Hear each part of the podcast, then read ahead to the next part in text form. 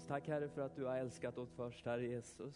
För att du älskade oss medan vi var syndare, Herre Jesus. Då vi till och med, till och med kanske i våra hjärtan hade ett hat emot dig Jesus, så älskade du oss först ändå Jesus. Tack Herre för att, att du älskar varje människa, Herre Jesus. Att ditt ord Jesus säger att du fröjdar över oss med glädje Herre den här morgonen Jesus. Att det finns glädje i himlen Herre, över varenda människa på den här jorden Jesus. Att det finns ett jubel Herre Jesus i himlen. När du ser på dina människor, när du ser på dina skapelser Herre, så finns det en kärlek som går ut därifrån Jesus. Över varje människa Herre, över varje själ Herre Jesus. Åh, jag tackar dig för det Herre. Tack att du välsignar varje en som har kommit hit den här morgonen Fader. Att du välsignar oss Herre.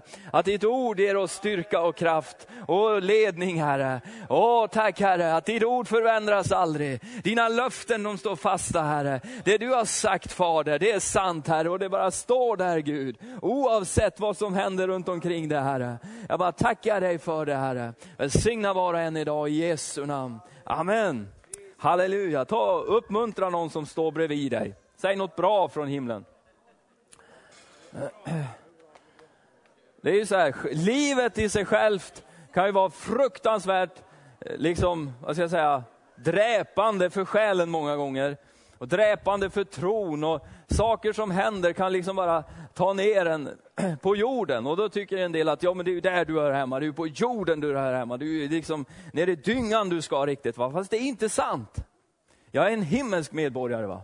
Jag är född på nytt. Jag är en ny skapelse i Jesus Kristus. Jag tillhör faktiskt inte den här världen, utan jag är bara här på besök för att proklamera det underbara evangelium att det faktiskt finns frälsning för varje människa. Det är liksom sanningen om dig. va. Eh, men den här världen vill ju gärna ha ner dig liksom på sin nivå. Vill ha ner dig liksom bland dyngan. Vill ha ner dig liksom ner i, ner i smutsen. Eh, varje dag så arbetar den onde på det. Och det är det du känner av. Eh, det finns någonting som heter glädje i Guds rike. Eh, och det är nog, tror jag, det, det finns så här härliga nyckelord runt Guds rike. Glädje, kärlek, nåd, mildhet, godhet. Allt möjligt du hittar liksom, om Gud, om Guds rike. Om liksom, eh, men, men jag tror glädje är, en, liksom, det är essensen. Det är, en, det är en glad Gud vi tjänar. Det, det är liksom en, en munter kille. Gud är glad va? Amen. Gud är positiv. Jag blev faktiskt, jag, jag blev jag blev anklagad för att vara för positiv här för ett tag sedan. Hon var så arg på mig, för du är så positiv. Jag, vet du vad, jag var för positiv till livet. För det är inte så lätt. Och det är inte så enkelt. Ja, men det vet jag ju. Jag menar, kära någon, har man, har man levt snart 40 år på den här jorden, så då måste man väl ha upptäckt att det inte är så enkelt alla gånger. Eller hur? Det upptäckte man ju redan liksom när man var 13. Sen har man ju levt i det. Men liksom, det, det har inte, det, det, är av mindre betydelse. Va? För det finns en lag som är starkare än den lagen. Det finns liksom ett liv som är över det livet. Det in, inre livet med Gud, va? som besegrar allting som är runt omkring en. Men den här tjejen, hon, jag, jag var väldigt positiv liksom till barnafödande. Och, liksom, och, och få till barn och grejer. Va?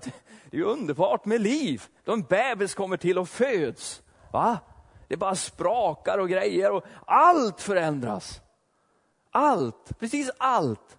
Det är då man dör själv och du får börja leva för någon annan. Tidigare handlade det bara om mig och nu handlar det om någon annan. För nu är det någon som bara stjäl all min tid och uppmärksamhet och kraft och äh, dygnsrytm och, och pengar och i fritidsintressen och allt möjligt. Först var det frun som tog lite grann, sen kommer ungen och tar allt. Och så, då finns man knappt själv. Utan nu lever man för de här varelserna. Och det är underbart. Men hon kunde inte se bilden. Hon såg inte bilden. Det fanns inte i henne.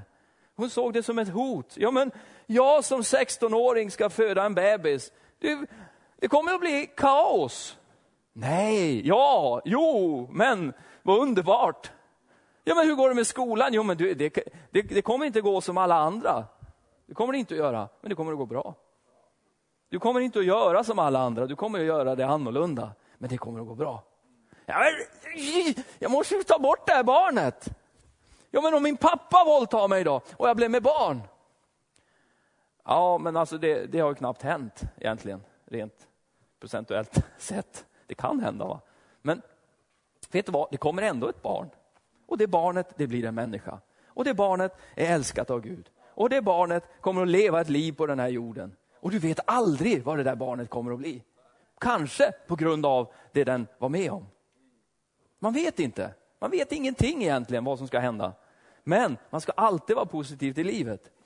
Eh, det var inte det jag tänkte tala om, men just bara det här att, att det finns en väg att gå genom svårigheter. Va? Det finns en väg att lösa problemet på. Det finns alltid en möjlighet. Det är aldrig kört någon gång. Det finns alltid hopp. Och som Lennart Åsberg sa, hoppet säger alltid någonting annat. Va? Det är så bra. Hoppet säger alltid någonting annat. Svårigheten säger hela tiden att det är kört. Va? Hur ska det bli med dig? Hur ska det gå med dig? Hur ska det gå med dina barn? Du som har liksom tonårsbarn, nu har du fina barn, ungar och ungdomar här i församlingen. Men hur ska det gå med pojken din? Till och med dina grannar kanske också hjälper till och spär på det där. Och liksom, dina, dina, dina syskon, ja men era barn, de är ju liksom, era ungar, våra barn, liksom, era, de, era, de är helt omöjliga dina barn. Va? De stjäl och knarkar och super och slår sönder saker. Och liksom,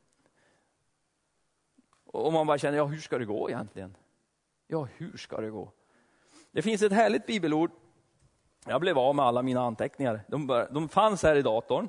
Jag är helt övertygad om det. För jag skrev dem igår. Men idag är de borta. Jag tror jag måste, Kristoffer, få hjälp att ordna upp mina mappar. Ni ska se mitt skrivbord, det är bara hundra mappar här. Jag hittar det inte. Men det står fortfarande kvar i Bibeln och det är ju det som är så bra. Så i Romarbrevet 12 så står det faktiskt så här. 12 och 1. Så förmanar jag ju nu er bröder, vid Guds barmhärtighet, att framföra era kroppar som ett levande och heligt offer som behagar Gud, ett andlig gudstjänst. Och Anpassa er inte efter den här världen, utan låt er förvandlas genom sinnets förnyelse, så att ni kan pröva vad som är Guds vilja, det som är gott och fullkomligt och som behagar Gud. Behagar honom. Förnya era sinnen, tänk annorlunda. Det finns ett annat sätt att tänka. För, olika tillfällen, olika stadier, olika frågor, olika... Jag brukar försöka vara uppmärksam på vad folk säger. Och ibland så, det gick ju, eller det går fortfarande en debatt bland kristenheten och alkoholen. Eh, och det är bara ett exempel. Men det handlar väldigt mycket om mig, har jag märkt. Jag fick frågan för några månader sedan, vid, vid, vid, vid ett fikabord med en massa frikyrkofolk. Jag tillhör ju också dem. Så jag satt ju där vid samma bord. Och så kom frågan, vad anser du om alkohol? För, och så sa de, jag anser det här. Är det synd, sa de, att dricka sprit? Och då tänkte jag så här, okej, okay, om jag nu svarar, absolut det är synd, liksom, det är från djävulen och det är liksom så här. Va? Och så tänkte jag, då, då, då, då missar jag dem, för de är beredda på det svaret. De vet, de vet, de vet redan när de ställer frågan vad jag ska svara, för de vill ha fram någonting här nu. Så vet du vad mitt svar var? Du sa, den dag jag tog emot Jesus och blev frälst, så handlar inte mitt liv längre om vad jag får göra och inte göra. Ditt liv kanske bara handlar om dig, men mitt liv handlar bara om Jesus. Ja, men, du måste ju ha, du, du måste ju ha, du måste ju ha någonting att säga i den här frågan. Ja, det har jag att säga i den här frågan. Det är att du ska leva ett liv som är föredömligt. Du ska leva ett liv som är värdigt. Du ska leva ett liv som inte du själv lever, utan du ska frambära ditt liv som ett offer inför honom. Det handlar inte längre om liksom vad du får göra och inte göra. Utan det handlar om något helt annat. Det finns ett mycket högre nivå liksom på ett kristet liv, där det inte är liksom, åh, får jag, får jag, liksom, ska, får jag dricka lättöl, mellanöl eller starköl? Amen. kom igen. Ja, vi, vi ska sitta och dricka lite vin och lite grejer här, det är så fint. Ja visst, alltså kör hårt, ni får, absolut, ni får ha det livet. va. Bless you with it. Jag hoppas du har framgång och lycka. Men det finns ett annat liv att leva som är mycket högre och mycket mer uppoffrande och mycket mer givande och mycket mer jobbigare kanske många gånger. Men det ger så betydligt mycket mer. Jag tror på föredömets faktiskt makt. Jag tror på föredömets makt, för det är en biblisk princip. Lärjungaskap. Att någon har en ledstjärna som någon kan följa och någon kan tänka att så där vill jag också bli. Inte bara folk som snackar en massa. Och jag, jag, lovar dig, vet du vilka som blir moraltanterna? Det är de som påstår att det är okej okay att dricka mellanöl, men sprit skulle aldrig röra, ser du. För det är synd och det är från djävulen. Men det är okej okay att sitta och dricka lite lättöl där hemma i soffan en fredagkväll och äta chips. Det kallar jag liksom dubbelmoral. Det kallar jag liksom, oh, det är äckligt tycker jag. Men de får hålla på med det. Jag välsignar dem i det. Och jag vet inte hur jag ska behandla dem riktigt. Men, men just det här, och det är ju bara ett exempel, det kan ju vara vad som helst. Men att ditt liv inte handlar riktigt om dig längre egentligen. Utan man måste få upp ögonen så man förstår vad som har hänt, så man inte börjar anpassa sig efter den här världen bara. Att du faktiskt är frälst. Jesus betalade det dyraste priset som fanns på den här jorden. Han vandrade, vandrade ett helt rättfärdigt liv. Han gav sig själv för ett offerlamm för att du skulle bli fri. För att du skulle köpas in i Guds rike. För att du skulle bli en ny skapelse i Kristus Jesus. För att du inte längre skulle behöva leva efter den här världens eh, liksom bizarra liv. Utan du skulle kunna leva ett annat liv. Du är friköpt. Du är den heliga andes tempel. Du är en himmelsk medborgare. Det, det står att, i Sefania står det att himlen, Herren fröjdar sig över dig med jubel, står det. Wow! Ja, men det gör inte jag. Nej, men då kanske du måste börja tänka lite annorlunda som i Romarbrevet 12. Börja ändra ditt tänkande lite grann här och börja tänka som Bibeln tänker om dig. För om Gud säger så här till Kristoffer, Kristoffer luktar armsvett och han är helt slut. Han har jobbat på Mio liksom i tolv dygn i sträck. Och liksom chefen har bara pressat honom till det yttersta. Han har burit liksom hörnsoffor själv upp för långa trappor och gjort helt omöjliga saker. Och han kommer hem och han bara känner att, vem är jag? Var bor jag? Vad heter jag?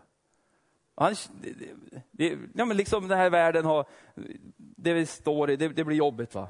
Då fröjdar sig himlen över honom. Då är han ny skapelse i Kristus Jesus. Då är han den heliga andes tempel. Då är han en ny skapelse. Då är han liksom allt det där himlen har tänkt för honom. Gud tänker inte annorlunda om honom då.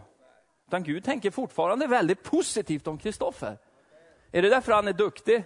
Nej.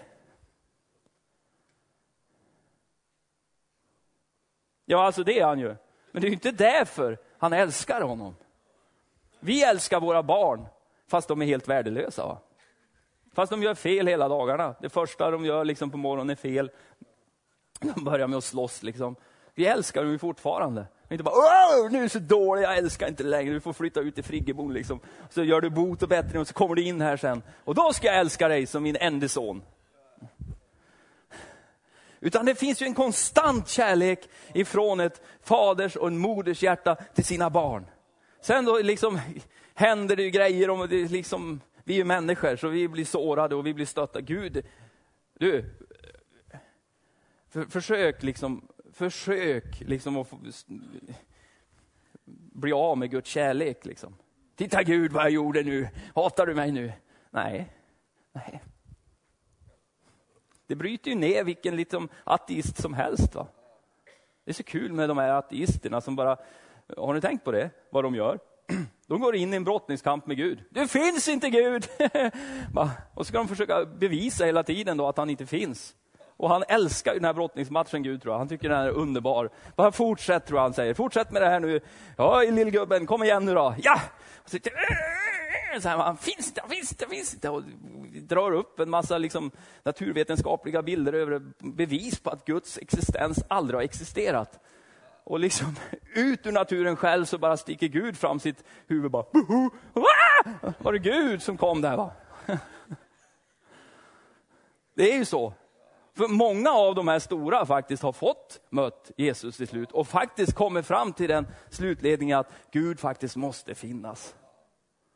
Och då kanske de har krånglat ett helt liv med att försöka överbevisa sig själv och världen om att Gud inte finns. Så Gud är god och han älskar alla människor. Det, det är underbart där. Och, och då tänkte jag lite så här att vi, vi, vi har ju olika nivåer där vi kan anpassa oss. I Romarbrevet där står att du och jag, vi ska inte anpassa oss efter den här världen, utan att vi, att vi, att vi, att vi ser till att, att våra sinnen blir förnyade och att vi lever liksom efter Gud, så vi förstår hur Gud tänker, vad Gud vill, vad Guds plan är, vad hans vilja är. Va? Eh, för då kan du leva ett lite annorlunda liv och då behöver du, för vet du, det är jobbigt att anpassa sig. Om, det, jag gillar inte att anpassa, alltså jag gillar att anpassa mig absolut, men jag har fått lära mig det genom åren. Men när, när du har en övertygelse på insidan om någonting, du är övertygad om att Jesus älskar alla människor oavsett. Och så kommer det ett gäng fariseer som ska stena en, eh, en eh, prostituerad kvinna. Och du står där bredvid. Det här är en historia nu hämtad ur Bibeln, eller hur? Och du står där bredvid. Och här kommer alla skriftlärda. Alla de som kan det här. Liksom står med sina stenbumlingar och ska stenas till döds. Och så står du där med din övertygelse om att Gud faktiskt älskar och värnar om livet och alla människor. Och det här är nog inte riktigt det Gud har tänkt egentligen, att det ska gå till så här. Hur gör du då? Ta hit en sten. För du är ju nästan ensam om den här grejen, liksom. men då dyker Jesus upp. Det är det som är så bra med Bibeln och Guds ord. Va? Man, man får reda på saker. Då dyker Jesus upp där. Hörni grabbar, vi gör så här, okej, okay, vi, vi, vi kör den här steningen, men, men vi, vi gör ett litet annat upplägg här nu då. Att du som är utan synd, du, du, du kastar först, okej. Okay. Så, ja, då kör vi. Kom igen, kasta. Han är smart Jesus, va? eller hur? Det blev ju ingen stenkastning alls. Men första stenen bara pop i backen, det var någon som kom på, ja just det, jag minns ju vad Jesus hade sagt där tidigare. Jag har ju faktiskt tänkt på en kvinna här nu, jag har ju redan synd jag också, så jag måste nog gå hem härifrån nu då, jag med. Så när han tittade upp, så, jaha, då, det blev ingen stenkastning. Var for alla? De gick hem. Jaha. Men du kvinna, nu är det så här, vet du, jag dömer inte heller dig, förstår du det? Utan nu går du hem. Nej, men det, det helt fel. nu går du hem och så syndar du inte mer. Vet du vad den kvinnan, han är en stor själavårdare Jesus. Förstår ni en kvinna som har levt i prostitution, hur trasig hon ska vara på insidan? Hur, alltså liksom hennes bild av sig själv, det är ju egentligen att, det, hon är nog inte, alltså, det, jag tror att du brottas med väldigt mycket liksom mindervärde och komplex och att din, din värdighet är under skosulorna på allting runt omkring dig. Va? Men då stiger mästaren fram och säger, jag dömer inte dig heller. Gå och synda här, inte mer. Alltså synda inte mer nu. Det sista hon fick höra, det var att mästaren inte dömer henne. Hon kan börja tänka annorlunda, då dömer inte jag mig själv heller. Om inte han dömer mig, då ska inte jag döma mig. Om han kunde säga de orden till mig och det jag har gjort, då kan jag gå fri. Wow, han är härlig Jesus. Det finns ett annat sätt att se på saker. Någonting som vi försöker anpassa väldigt många gånger i kyrkorna, eller det finns en trend som jag bara vill nudda vid lite grann. Och det är evangeliet. Som försöker anpassa sig in i den här världen. Ah. Det finns någonting med evangelium som är oanpassbart genom tiderna. Det finns någonting i det som gör att det går inte att passa in. Liksom. Det, det, det passar alltid och aldrig. Det, det är märkligt. Det, det, passar, det, det passar aldrig och alltid. Hur då? Jo, men det, är alltid, det finns alltid ett moment av obekvämlighet och ett pris att betala. Det, det finns alltid en brottningskamp då evangelium ska gå ut. För det passar alltid och aldrig. Eh, det finns ett evangelium om, om en Jesus som, som är snäll, som är fin, som älskar alla. Ett evangelium där alla ryms, oavsett kön, hudfärg, sexuell läggning, livsstil. Ja, you name it. Det som är liksom ett fantastiskt evangelium som alla ryms i. Eh, men där aldrig någon egentligen behöver fatta ett beslut. Och där aldrig någon egentligen behöver vända om från någonting. Utan ett väldigt light evangelium som inte griper tag i något eller utmanar något eller eh, gör upp med något. Och vet du vad, det evangeliet det befriar ingen, det helar ingen, det rör aldrig vid någons hjärta. Den här kvinnan vi, vi tog upp som bönämne här faktiskt här nu alldeles nyss, hon som hamnade i, fick en hjärnblödning vid födseln. Det, det är så att hon faktiskt talar idag, att hon faktiskt går med hjälp idag. Hennes första ord klart och tydligt var jättebra, sa hon.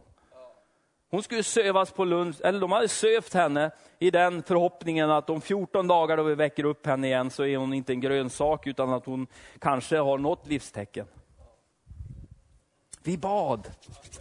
För det är så att det var min frus brors frus eh, svägerska som bor i Göteborg. Och de ringde mitt i natten. Här, jag förstår, alltså, jag förstår alltså, det var ju kaos. Och hon, ja, det, hon var ju ganska gammal, hon är 40 någonting. Och första barnet och liksom, de har kämpat för det här. Och när, när, precis då barnet skulle ut så bara försvann den här, hennes mungipa ramlade ner och liksom hon bara försvann. Hon fick hjärnblödning, de fick slita ut bebisen. Bebisen mår bra. Eh, och så bara iväg med helikopter eller vad till Lund. Då. Så de ringer ju till oss, det var ju sent. Och, och liksom bara grät i telefon där med, med Helena. Liksom, jag förstår vad som har hänt. Liksom. Tänk om hon dör. Liksom ja, du ska nog se att Gud har, liksom, har en mening med det här också. Du ska nog se att det vänder till slut. Eller, vi ska be till himlens Gud att någonting händer här, att någonting förändras. Att hon ska gå igen, att hon ska tala igen, att hon ska leva igen. Att hon ska få hålla i sin bebis, att hon ska få se den här bebisen växa upp. Att hon ska få ett helt normalt liv igen. Åh tack, är det säkert? Ja, det är säkert. Så vi bad där på nattkvällen och vi bad där på morgonen och vi har liksom burit det här. Redan dagen, dagen efter så såg de första livstecknet, så de fick liksom direkt bara avbryta den här nedsövningen. För de säger, det finns ju liv i den här kvinnan. Och det verkar ju vara någonting här ändå. Och läkarna och alltihopa, wow, vad är det som händer här? Men någonstans blir det ju ändå att du måste säga att vi ska be till Gud för den här näst döende kvinnan. Ja, men tänk om ingenting händer då? Ja, då får man ju stå där då. Våran Gud gjorde ingenting, hon dog. Men det är ju inte den guden vi tjänar, som inte gör någonting. Det är ju inte en luft, liksom. det är inte ett luftslott, det är inte bara en, en fantasigubbe, liksom John Blund eller tomten eller någon annan grej. Va? Utan det är ju Gud. Amen. Amen. Så, så vi var där, det är fantastiskt underbart.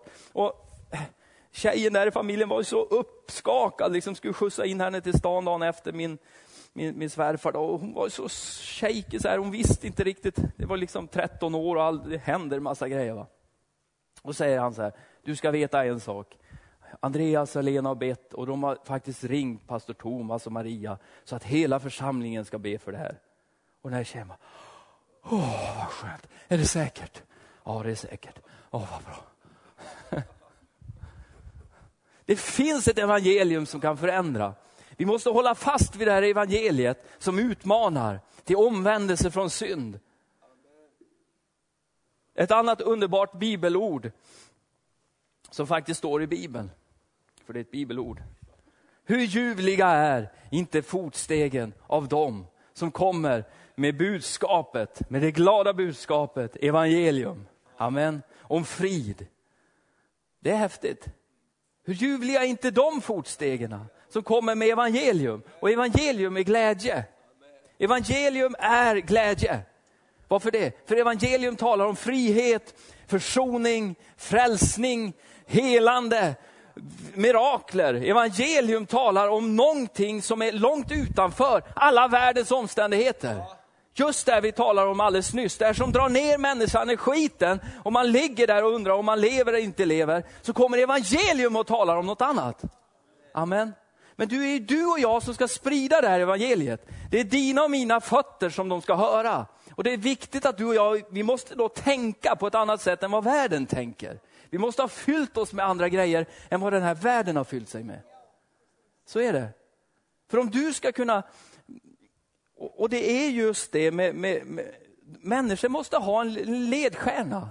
De kan, kan, de kan se på och tänka, ja, men vilket liv de har. Vilket liv de har. De är inte perfekta. De är inte liksom andliga bodybuilders som är liksom överallt, utan de är mänskliga fast de är inte riktigt normala ändå. Utan det är någonting som har hänt med de här människorna och de har en märklig egenskap och liksom har en tro på en Gud som inte syns, men de ber till honom och de är glada. Och det är liv där de går fram. Tjuven kommer bara och endast och inte någonting annat än att stjäla, slakta och förgöra. Men jag har kommit för att du ska ha liv och du ska ha liv över nog, säger Bibeln. Wow! Mer än liv, utan liksom lite extra liv också. Inte bara överleva, utan övervinna tror jag han talar om. Amen. Antingen så överlever man ju bara det här livet, eller så övervinner man. Det, man bestämmer ju själv lite. Va? Så i Sverige idag tror jag faktiskt att vi måste börja predika evangelium ännu mycket mer. Det är ju alldeles knäpptyst överallt. Det är ju aldrig någon nästan som sätter upp en jättestor högtalarläggning någonstans och dundrar på liksom evangelium och frälsning och vänd om. Vad hjälper det dig om du vinner hela världen men du förlorar din själ? Vad hjälper det dig människa? Om du har allt som du behöver, men en dag du möter evigheten. Vet du, det, det är ju så att människor är ju jag hörde en som predikade om det här, tyckte det var fantastiskt bra. Människor är ju inte, man skäl nästan allt man säger här framifrån, bara så du vet det. Man, människor är inte i behov av liksom en andlig coaching från någon guru som heter Jesus, som flyger runt liksom där, uh, så här, va. Eller de är inte i behov av liksom ett, ett peptalk till, utan de är i behov av en frälsare. Om du håller på att drunkna är du i stort behov av någon som ska dra upp dig ur vattnet. Och du bryr dig inte om om han är liksom tagen ur Baywatch, liksom med, med, med, med röda Speedos-kalsonger så här, va? och liksom en sån här flytgrej under armen som springer så här snärtigt på sandstranden så här. Och bara ska slänga sig ut och rädda dig på ett snyggt sätt. Det bryr du dig inte om. Du är ju bara behov, hjälp, jag drunknar, hjälp mig! Kar, hjälp mig här nu då! Det är ju det du är i behov av. En frälsare, en räddare, någon som kan dra dig från synden in till livet. Amen. Från mörkrets rike in i ljusets rike. Du är i behov av någon som kan bryta synden över ditt liv. Och det är jag med. Kära någon. Och det är ju mycket så att den Jesus du har lärt känna, det är den Jesus du predikar. Den Jesus du har läst om i Bibeln, det är den Jesus du predikar. Har du aldrig upplevt syndernas förlåtelse? Och har du aldrig upplevt synden? Har du aldrig... Nu, det, det, finns, det finns ett frikyrkligt sätt att se på det. Ja, det, är bra, det är bra för ungdomar att de hamnar i synd en liten stund så de får uppleva dyngan där ute. Nej, precis. Nej, det är ju så dumt. Det enda det gör är ju bara förstör. Va? Det bara sabbar och så ska någon stackars pastor då själavårda liksom i åratal för att försöka få ordning på den här nya skapelsen igen och liksom verkligen övertyga om att du var där. Det är liksom så här, va? Nej, det är fel. Det mest underbara är, det är när våra barn får lära känna Jesus när de är unga. Bara få växa upp i en kristen miljö. Bara få en styrka i Gud som inte går att få någon annanstans. Bara lära känna sin frälsare och bli orubbliga i tron och bara kunna tro allt, älska allt, förmå allt, vara fylld av hans kärlek och himlen och den heliga ande. Det är ju det mest underbara som finns. Ja. Men har du inte mött honom så är det väldigt svårt att liksom presentera honom. Min Jesus, det är han som räddade mig från mörkret. Min Jesus, det är han som lyfte mig och satte mina fötter på en fast klippa. Min Jesus, det är han som förlåter mig alla mina synder. När jag kommer till honom, då har jag gjort fel och det kan du fråga min fru om hur ofta det är. Jag behöver inte stå här och liksom ha någon större bekännelse inför dig. Men alltså det händer ju. Och, och bara få förlåtelse. För, för Bibeln säger att om vi, om vi säger oss själva att vi aldrig gör synd, då är vi lögnare. Vi, vi är liksom inga andliga superheroes på det sättet. Men att det får finnas i oss, det här evangeliumet som verkligen fungerar. Den 5 augusti i år ska det verkligen fungera här i Örnsköldsvik. Jag är så tokladdad på det här Sverigeresan så det finns inte. va. För äntligen, äntligen, äntligen får vi braska upp en jättescen i inre hamnen i stan med jätteljudanläggning och ljus och hela köret och så bara dundra ut evangelium så det bara går in genom glasrutorna i hyreshusen där nere på kajen och ut över hela Övik så det hörs ända ut på Svedjeholmen. Va? Jag frågar dem, har vi något speciellt bra ljud med oss då? Ja, vi har det bästa, sa de. Vad bra, sa jag. För när, när Europe spelar här, då hör man Final Countdown ända hit ut. Det minns jag i fjol när de var här och spelade i augusti. Då hörde man Europes låtar, de bara eka ut över stan. Jag bara längtar efter att få höra, för det blir jag som ska predika då, få, få höra evangeliumet bara få bli predikat på ett enkelt sätt. Att Jesus har kommit för att frälsa och rädda och förlåta och upprätta och göra helt igen. Att du får vända om från din synd och börja leva ett annat liv. Att bara få proklamera ut det över sin stad, det är ju helt underbart, eller hur? Mm. Så vi behöver faktiskt ingenting nytt, utan det enda vi behöver det är att vända om, komma tillbaks till honom och, och söka hans ansikte. Eh. Så det finns det här övervinnande livet på alla livets möjliga liksom, områden. Ditt personliga liv, då det gäller evangelium. För jag vet, vi, vi är kristna de flesta av oss som sitter här inne och man möter ju på det här. Genom att vi är olika, det florerar olika tankesätt inom kristenheten och så vidare. Och så vidare. Och man kan fastna i de där grejerna också, och det ska man inte göra. Men det finns ett liv att leva bara över alltihopa. Wow! Tänk dig när du sitter där hemma med räkningsbunten och den håller på att ta över ditt liv. Och du tänker, men tala till den där räkningsbunten då. Alltså jag glömmer aldrig trosrörelsen när man började komma in i den. Det var så häftigt, för då talade man till olika grejer. Va? Det var så fräscht. Det var liksom, då var det inte att ja, Gud har någon mening med det här, utan det har man ju hört liksom, stor del av livet. Va? Det är Gud som liksom bara ville få mig sjuk här nu. Va? Utan det var det något helt annat. Räkningar bara blir betalda i Jesu namn, bara varenda en. Det ska bara in pengar här och nu och så bara... Så här, va? Elda upp dem. Nej, det gjorde man inte. Det är dumt.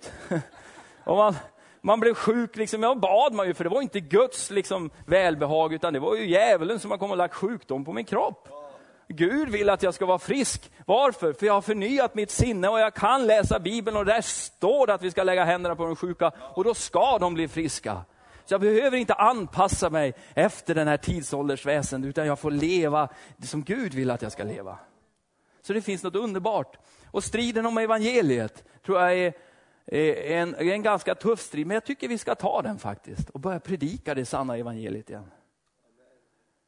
Ja, men det är ju helt koko när man pratar med människor och så är olika, nu blir det ju att man träffar de som jobbar med ungdomar och så här. Och så satt jag, det här var ju på internet, det låter så kul när man säger jag har pratat med någon. Det kan innebära att man har chattat med varandra på internet, okej? Okay? Bara så du vet, så var det. Och, och då blev det tal om så här, och så, ja men du kan ju inte säga till ungdomarna att det är synd att ha sex före äktenskap. Kan jag inte? Det har jag ju sagt nu i 14 års tid. Det är väl klart, jag måste Vem ska säga det då? Någon måste ju säga det, eller hur? Den här världen säger ju det absolut inte. Då känner jag, men nu börjar vi anpassa oss lite väl mycket här. Man kan, man kan väl beskriva det som ett litet felsteg istället. Nej, man beskriver det som synd och endast synd och bara synd. Och det kommer alltid att vara synd. För vet du vad det som är bra med synd? Att i min bibel står det att om vi bekänner våra synder inför honom är han trofast rättfärdig, så han förlåter oss alla våra synder och renar oss från all orättfärdighet. Det står inte, om jag gör ett litet felsteg och jag bekänner det inför honom, så förlåter han honom alla mina felsteg. Utan det står faktiskt synd där. Han, han är ju mäktig att förlåta synd. Det är det som är så bra med synd, eller hur? Han förlåter oss våra synder. Varför är det så farligt att tala om synd? Det är ju underbart. Alltså det är inte underbart med synd. Men det som är underbart är ju att evangelium talar om en frälsare som har betalt priset och brutit syndens makt. Att vi får leva i det varje dag. Oavsett, för det är ju så, oavsett vad du har gjort. Äh, det, det, det spelar ingen roll vad du har gjort. Det är säkert. Det spelar ingen roll vad du har hittat på för något.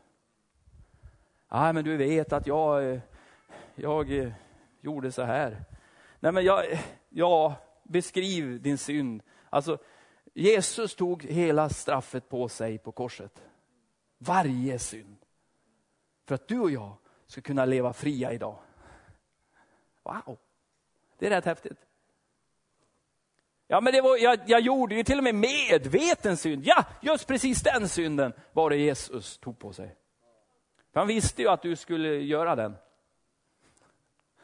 Ja, men nu, jag har gjort den 71 593 gånger. Ja, men visst är det så, men du får aldrig någonsin sluta bära fram din synd till honom. Du får aldrig någonsin ge upp. Du får aldrig, för han ger inte upp. Det är så lätt vi ger upp. Och så börjar vi acceptera saker i våra liv som en svaghet eller någonting som inte är rätt. Ja, men jag ljuger och det, jag ljuger så bra. La, la, la, la. Ja, jättebra. Nej, men du får inte sluta gå med din synd till Herren. Ja, men jag har kämpat med det här och jag har jobbat med det här och jag har gått på själavård med det här och jag har bekänt den och jag har grejat. Ja, men bara fortsätt med det då. Det står det att vi ska kämpa trons goda kamp. Eller hur? Vem har sagt att det skulle vara en räkmacka? Nej, inte Bibeln i varje fall. Liksom, vi vill ju ha en snabb, bara så, ja, ja, jag är fullständigt upprättad, totalt helrenoverad och omänsklig. Men jag lever. Så, så, Gud är väldigt god. Jag ska sluta här nu. Vi, det, det, jag vill uppmuntra dig i det här livet att ta den här utmaningen. I Andra krönikeboken 16 står det så här, att nu, nu har det inte blivit så där jättemycket bibelverser här, för jag har inte haft dem nedskrivna, utan jag har haft dem i mitt hjärta. Och då är det lite svårare just det där. Men där står det, det här, det här, den här är ju så otroligt, otroligt, otroligt, otroligt välkänd vers.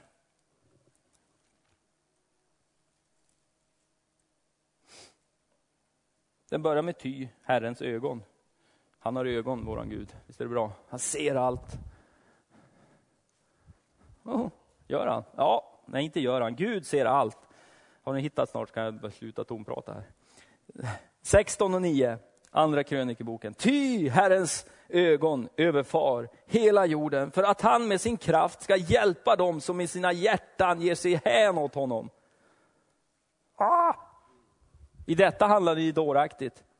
Därför ska du från och med nu alltid ha krig. Ja, det var inte så kul. Men Guds ögon överfar hela jorden för att han med sin kraft, för att han ska hjälpa dig och mig att leva i det här livet. För det handlar om ett hängivet liv. Ett liv fyllt av passion, ett liv fyllt av överlåtelse och hängivelse och uppoffring. Och Romarbrevet 12 och alltihop det där. Det handlar om ett liv som liksom kostar på lite grann. Men det står att Guds kraft, han söker efter de människorna. Hans ögon bara går runt hela jorden och bara söker. Var är de? Var är den? Var är den här människan som kan stå upp för mig? Var är den här människan som inte backar på sin övertygelse och mitt ord, utan bara står fast där och söker mig hängivet? Var är den människan? Honom ska jag hjälpa, honom ska jag bistå med min kraft. Och det är ju liksom inte då Hulken eller någon annan, utan det är Gud vi har att göra med. Och hans kraft. Jag har, jag har, en, jag har många favoriter genom historien, men, men jag kan inte låta bli den här eh, John Harper. Som, alltså, han hade precis det där som man vill ha. Han är en sån här ledstjärna, om man kan titta på. Nu är det ju liksom snart hundra år sedan han levde, va? men ändå.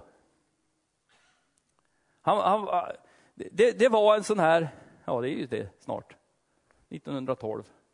Ja, ser du, vi har snart 100-årsjubileum jag och Harper. Det är inte dåligt. Han hade just det här. Och han var så uppfylld av det här. Och han var så i det här med evangelium och få människor frälsta.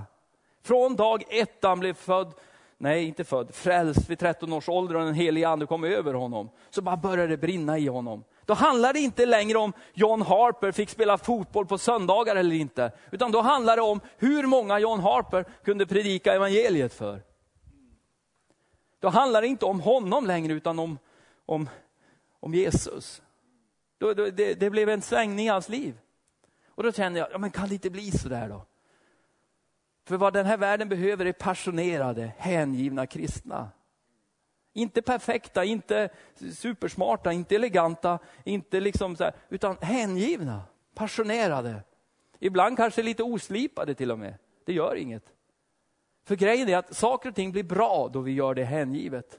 Då vi gör tv hängivet. Då vill vi göra det det bästa vi kan. Då gör vi det så mycket vi bara orkar. Då ger vi allt vad vi har för att människor ska få tag på Jesus. Då kom, vet du vad du tar död på när du lever ett hängivet liv? Slentrian. Du tar död på, på uppgivenhet. Du tar död på en massa grejer i ditt liv då du börjar leva hängivet. Men kan jag börja leva hängivet? Ja, du kan börja leva hängivet, för Guds ögon överfar hela jorden. För att han med sin kraft ska bistå dem som med sina hjärtan hänger sig till honom. Den heliga Ande är din hjälpare. På ditt beslut så hjälper han dig. Han är inte den som gör den åt dig, utan han hjälper dig att göra det. Det är en väldig skillnad. Men i varje fall, den, bara lite kort. Den här John Harper, för dig som inte känner honom, men jag tror jag presenterade dig för honom tidigare, visst har jag det? Nähä? Och ungdomarna måste fått ha hört honom flera gånger. Men det här är en berättelse som blev berättad på ett bönemöte. Någon gång, nu ska jag bara rulla, rulla fram den här så vi inte... Någon gång på 1915-talet blev den här berättelsen berättad. Och helt plötsligt så knöts en hel påse ihop och en fantastisk historia blev till, som är sann. Hur den här John Harper, frälst vid 13 års ålder, blev bara så uppfylld av själarnas frälsning, av att predika evangelium, att vara ett exempel för ungdomar att, att leva ett annat liv. Blev liksom så otroligt ett med honom så han började leva det livet. Så han, han väntade inte på liksom, eh, någon pastors kallelse, något. han var med i en lokalförsamling och gick på varje söndagsmöte och hjälpte till där. Men sen när han var ledig var han ute på gator och torg och predikade evangelium. Idag kan man översätta det. Var han ute på internet så många timmar han kunde för att predika evangelium. Okay? Va? Ja, typ. Och eh, han fortsatte med det där tills församlingen började fundera på att du, den här killen, han verkar han är ju inte riktigt som alla andra 13-åringar i kyrkan här. Han har ju något, vi, vi måste göra någonting med han här då. Ja, men så då insatte de honom på en liten tjänst där i kyrkan, att vara evangelist, som han jobbade på. Och direkt började hända grejer, ännu mer grejer. Och de har avsatt ännu mer tid åt honom. Och det, liksom, det bara växte runt omkring honom, människor kom till tro hela tiden. så här. Och eh, efter ett tag så visste de inte riktigt hur de skulle fixa det här. Va? Och, och han kände att han, ja men de bad och grejade. Så, ja, han, skulle, de, han, han, fick en utpost, liksom. du starta där. Och det bara small till liksom där och de var flera hundra bara på ett litet kick. Och det är ganska häftigt där i, på, på det århundradet. Eh, och det bara växte. Ryktena gick över Atlanten. Eh, till en av dåtidens största predikanter. Att det var en, en liten galen skotsk engelsk pojke som liksom bara gick på, för han var, han var, han var inte så gammal då. Så han började resa över till honom och predika. Åren gick och till slut så var han ju då, ungefär som jag. Åren går ju väldigt fort. Liksom. Han hade gift sig, han hade sin, sin dotter och han var faktiskt på väg till en kallelse över till USA. Och Det här var då april den 14 1912, samma natt som Titanic faktiskt förliste. Och han var med på den båten. Och han hade sin sexåriga dotter med där.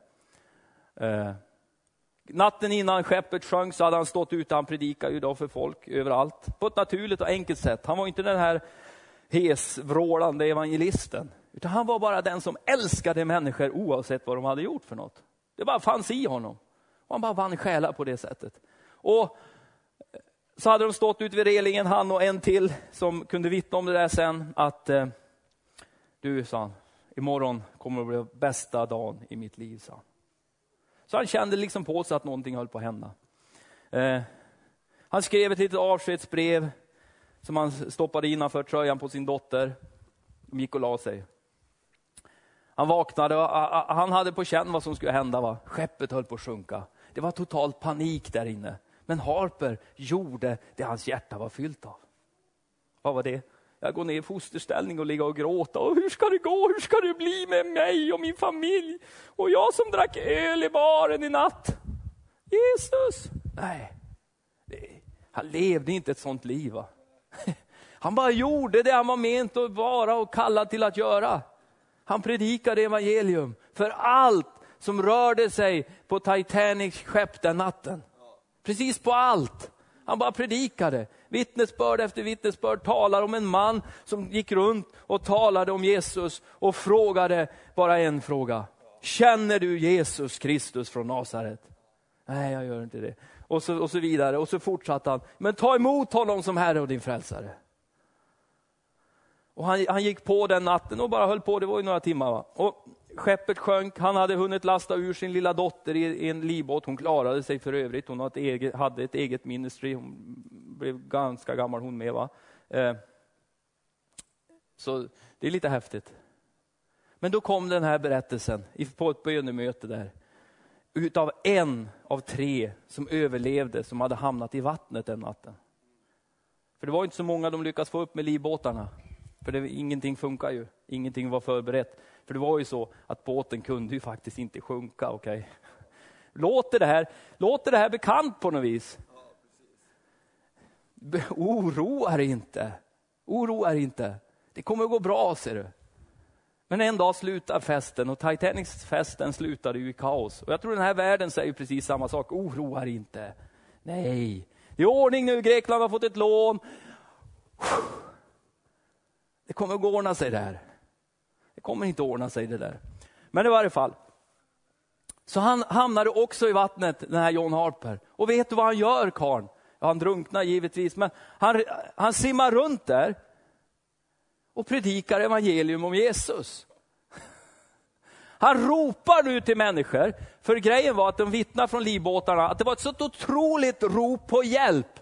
För det låg så många tusen människor i vattnet där borta. Och alla skrek på hjälp samtidigt. Men livbåtarna hade rot därifrån, för de var rädda för att alla dessa människor skulle tippa de där livbåtarna också. Va? Och det höll ju på ganska länge där i vattnet och ropade och ropade och ropade. Och Harper ropade ett helt annat rop. Han kved inte, hjälp, hjälp, jag drunknar. Han ropade, han hade ett helt annat rop i sitt hjärta, för han var så uppfylld av en helt annan uppgift och en helt annan sak. Han ropade, känner du Jesus Kristus? Vänd om, säg att din synd blir förlåten. Ta emot honom som din Herre och Frälsare. Han hade inte en tanke på att han höll på att sjunka, frysa ihjäl och dö. Det fanns inte i honom, utan han bara ropade en helt annat rop. Till slut så tystnade de här ropen på hjälp. Och de här livbåtarna åkte tillbaks för att bara kolla om det fanns någon överlevande. De hittade tre. En av de här tre berättade den här berättelsen som jag nu kommer att berätta. Hur han låg i vattnet, hur en kille simmade fram till honom, sökte tag i hans krage, tittade honom i ögonen och sa, känner du Jesus Kristus? Men han kunde inte svara ja på den frågan, så han sa, nej jag gör inte det. Då slet den här karln av sig flytvästen. Då behöver du den här bättre än vad jag behöver. Mm. Han, han har inga problem, liksom den här John Harper, med, med vad han skulle göra med sitt liv. Eller vad han skulle hitta på för något. Han hade hittat det. Han tog på sig flyktvästen och låg kvar där. Och det var ju människor och grejer och pianon och allt möjligt. Eh, piano kanske inte flyter, men det var allt möjligt som flöt runt där, var en enda soppa. Helt plötsligt kommer han tillbaks, den här John Harper. Tog tag i den här karn och nu höll han nästan på att sjunga, sjunka den här John. Och så sa han, känner du Jesus Kristus? Och den här kunde inte fortfarande säga ja. Så nej, sa han, ja men du måste ta emot honom, ropa till honom och du ska bli frälst. Då ropade karln till Jesus. Då sjönk John Harper. Den natten blev den här mannen frälst. Han upplevde hur Jesus bara kom in i hans hjärta där, mitt ute på det här mörka ishavet, där det var som kallast. Det gick några minuter till så kom en livbåt och bara drog upp honom i båten. Wow, vilken historia. Jag älskar den. För den talar om något så passionerat, något så överlåtet. Jag, jag lovar dig, på denna båt, för det var många som åkte den här båten, var det säkert fler kristna. Och jag tror att många kristna den natten säkert bara var livrädda, paralyserade, liksom fyllda av fruktan, fyllda av ångest, oro för sin familj, oro för hur det skulle gå, oro för allt möjligt. Inte John Harper. Han bara levde ut Jesus mitt i detta kaos. Och du och jag kan göra samma sak, bara leva ut Jesus. Du kan inte vänta, du kan inte gå och vänta på att någonting ska förändras och bli annorlunda runt omkring dig. Utan det är bara att börja leva ut Jesus. Över din räkningshög, över din familj, över där du är. Bara leva ut Jesus. Amen. Det är underbart. Det finns ett liv som är så långt mycket högre, som har ett pris, men som är värt det. Som är annorlunda, men som ger så väldigt mycket. Så där Romarbrevet, och det, det, kan ju tilltyckas, tänkas, det är många som liksom när man läser det tycker att det där lät ju jättejobbigt.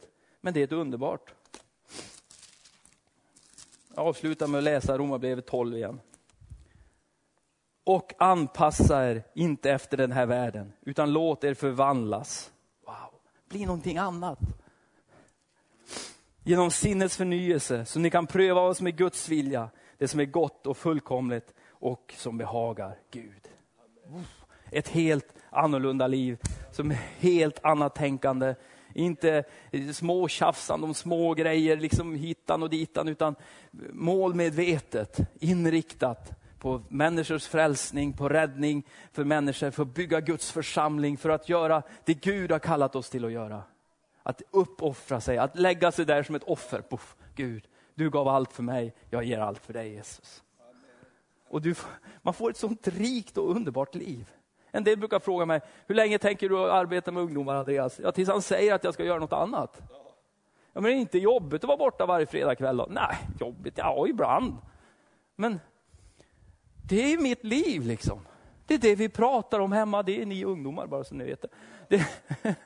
det, det som kommer i våra böner, ja men det är ju dem. Och alla andra ungdomar i den här stan. Det är, liksom, det, det är det som upptar en på något vis. Va? Men det är underbart. Jag skulle inte vilja byta det mot att liksom sitta hemma och titta på Minns du sången eller vad du nu är på? Ni är väl experter på fredagskvällar. Jag vet inte vad som händer på fredagskvällar på tv. Jag har ingen aning om det och jag är så glad och lycklig över att slippa det också. Jag läste i den här tidningen, fick ni hem den, den här företagstidningen, Du och kompani, eller vad heter det? Du och... Vad heter den här? Det är ju om företagande och grejer. Nej, ja, den kom ju hem. Vi, kanske bara vi som får den. Special edition. Men det var en företagare som uttalade sig om och sa så här, att det Jesus sa för 2000 år sedan gäller idag, en ofrälst kille. Ge. Och så beskrev han ungefär liksom det Jesus har sagt, att du blir så glad av att ge, du blir lycklig av att ge, du blir ett utgivande liv, ge dig tillfredsställelse. Bara, what? Och det där har du det, man kan bli lurad. Jag vill ha, jag vill göra det här. Jag vägrar betala priset. För jag måste få ta min lättöl varje fredagkväll. Du förlorar min vän. Det är bättre att säga åt andra hållet. Jag vägrar hålla på med det där. Jesus, jag vill leva ett annat liv. Amen. Vi tackar dig Herre för den här stunden Jesus. Tack Herre för att ditt ord är underbart Herre. För att du välsignar varenda en som är här idag Jesus. Tack Herre för att för att du har kallat oss till ett underbart liv tillsammans med dig, Herre. Jag tackar dig, Herre, att alla de här situationerna, Herre, som alla de här människorna representerar här inne idag, oavsett var de står, i, oavsett vad de möter, Herre, oavsett vad som har hänt eller vad som kommer att hända, Jesus, så bara ber jag, Herre, Jesus, att de ska kunna leva ett liv, inte bara av att överleva, utan att övervinna Jesus. Att det ska få finnas, Herre, i oss alla, Herre, en kärna, en essens av glädje och av själavinnande, Jesus. Åh Jesus, där vi, Herre Jesus, bara sträcker oss ut, Herre. Där vi predikar det här evangeliet, Jesus, som aldrig passar fast alltid passar, Herre. Där det kanske tar emot och känns konstigt, Herre. Jesus, där vi förstår och där vi får förnya våra sinnen och verkligen bara se runt omkring oss, Herre. Så vi förstår att vi hör ropet, Jesus. Ropet på hjälp, Herre. Då vi ser saker hända i vårt samhälle, Jesus, blir vi inte bara moraliska och tänker, ah, de får klara sig själva. Utan vi får se det på ditt sätt, Herre. Vad har hänt? Vad är det för människa? Vad är det för trasig själ som har gjort det här? Hur kan det ha blivit så här? Hur kan det ha gått så här? Varför reagerar den här människan så här? Vad är det som har hänt med den? Jesus, hjälp den människan. Att det bara får finnas ett hjärteslag där för människor och människors frälsning, Herre. Där vi inte ska tro, Herre, att vi är så mycket mer, Herre. Utan Jesus, den som vill vara högst i himmelriket, han ska vara allas tjänare Jesus. Herre, du betalade det enorma priset att du gick ner hit till den här mörka världen och du lät dig hängas på ett kors Jesus. Du kom inte som någon helig guru. Du kom inte som någon, som någon mäktig konung på något sätt, fin i kanten och vacker och det blänkte. Du föddes i ett stall Jesus. Åh Jesus, du hängdes och avrättades på ett kors Herre. Jesus, däremellan Herre, så levde du ett liv Jesus. Jag tackar dig Herre för att vi i våra liv Herre får vara en liten John Harper oavsett vilket kaos och vilket liv det är Jesus. Herre, det är våra behov Jesus, får vi bara förtrösta på att de blir mötta Herre. Åh, det är inte för inte att du skrev, Herre Jesus, i Matteus 5 om gräsmattor och fåglar i himlen, Herre Jesus. Hur du sköter om och tar hand om, Herre. För att Jesus, vi ska kunna fokusera, Herre, och leva det liv som du har kallat oss att leva, Herre. Jag ber Jesus för, för de här människorna som sitter här nu Jesus. De har en semester framför sig Herre. Jag bara ber att ingenting ska stjäla deras semester. Ingen oro Jesus. Ingen ångest Herre. Inget, och hur ska det bli med det här? Och hur ska det bli med det där? Och, och hur ska det gå liksom med farfar och morfar och alltihopa Herre Jesus? Att vi får en tro på dig Herre, att du är en Gud som förmår Herre. Du är en Gud som kan, Herre. Åh Jesus, det står att evangelium är det glada budskapet och om frid, Herre Jesus. Att frid får önska er. Jag tackar dig för det. I Jesu namn. Amen. Underbart! Tack mina vänner. Nu ska det vara riktigt underbart. Nu, nu har vi semester. Vet du vad? Jag predikade för, för, för Chapelbarna här innan jag åkte på semester från Chapel. Att nu har ni sommarlov. Och vet du vad? Alla barn jublade, utom några. Så här liksom. Alla barn bara ja! Och så några satt där så här. Och jag tänkte, jag måste predika för dem. Och vet du vad? Vet du vad som kom upp i mitt hjärta då? Gud är alltid med och för dig hela tiden, hela semestern. Oavsett om du måste vara på fritids, oavsett om du får bada eller inte, eller äta glass eller inte, eller få en godispåse eller inte, eller vad som än händer så är Gud med och för dig precis hela tiden. Och det gäller dig och mig också, för vi som är vuxna, vi har så lätt för att oroa oss för olika saker, hur det ska gå med det här och det här och det här och det här och det här. Och jag har dåliga däck på bilen och vi ska köra till Göteborg och hur ska det gå? Jag har inte råd att köpa nya. Gud är med och för dig. Ja, men det är lätt man oroar sig för en massa som bara stjäl glädjen ifrån en. Man har redan börjat, liksom, ja, nu är det mörkare midsommar, nu blir det mörkare tider igen. Ja då, nu är det snart jul igen. Nu är liksom, det är jobbigt, semestern är snart slut.